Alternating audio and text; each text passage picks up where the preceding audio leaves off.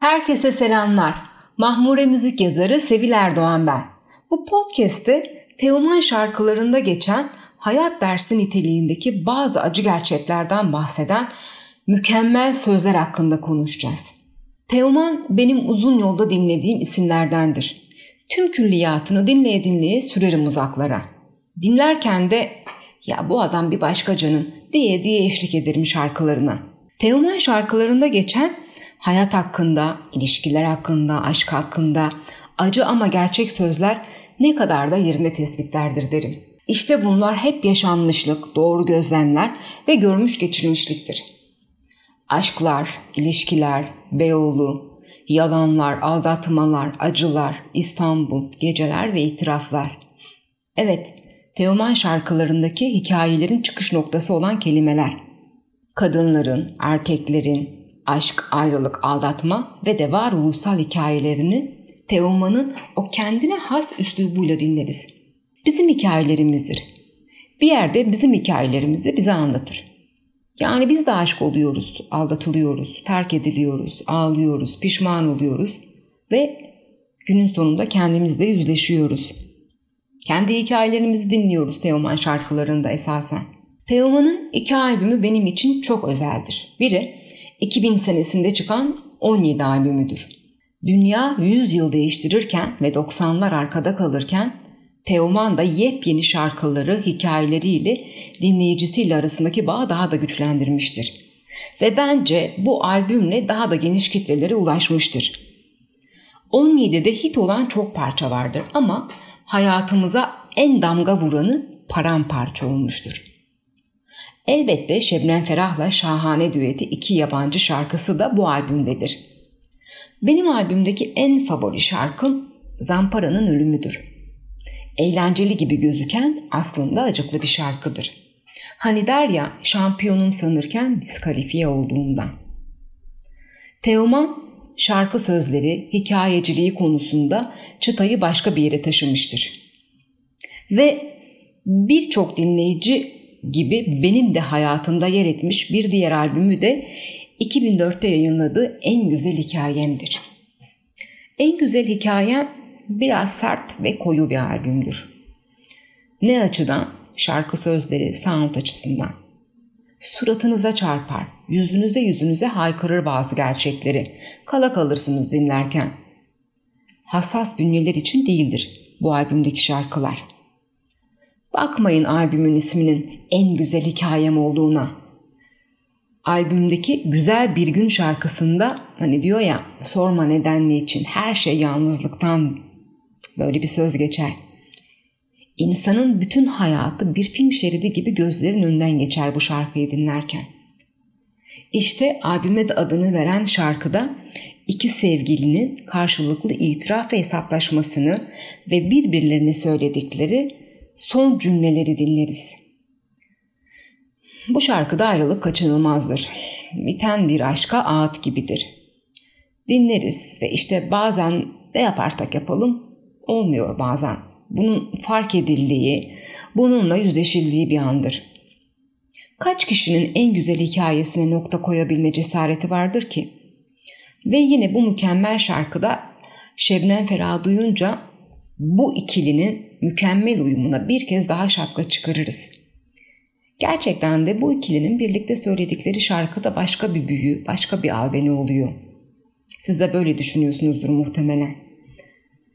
Teoman şarkılarında tespitler her zaman yerindedir. Mesela bazı yalanlarda şöyle der. Bazı yalanlar güzel, bazı gerçekler acıymış, bazı ölümler uzun, bütün hayatlar kısaymış. Sizler de benim gibi e, şarkı sözlerine ve hikayelerine düşkünseniz böyle şarkılardan çok etkileniyorsunuzdur e, ve kendi içinize dalıp gidiyorsunuzdur. Bazı yalanlar bu şarkı sadece Teoman şarkıları içinde değil diğer tüm şarkılar içinde de en iyiler listeme girer. Yalanların güzelliğine kapılıp kendimizi kandırmaktan vazgeçelim sevgili dinleyiciler. Böyle de bir öğüt verdim bu şarkıdan bahsederken. Evet evet biliyorum tabii ki Teoman deyince paramparçayı söylüyorsunuz. Sevgili Müslüm Baba da söyledi bu paramparça şarkısını. Bir bar taburesinin üstünde babamın öldüğü yaştayım. Bunlar sadece şarkı sözü değil, hayat hikayeleri. Biliyorsunuz değil mi? İşte Paramparça da benim o çok sevdiğim 17 albümündedir.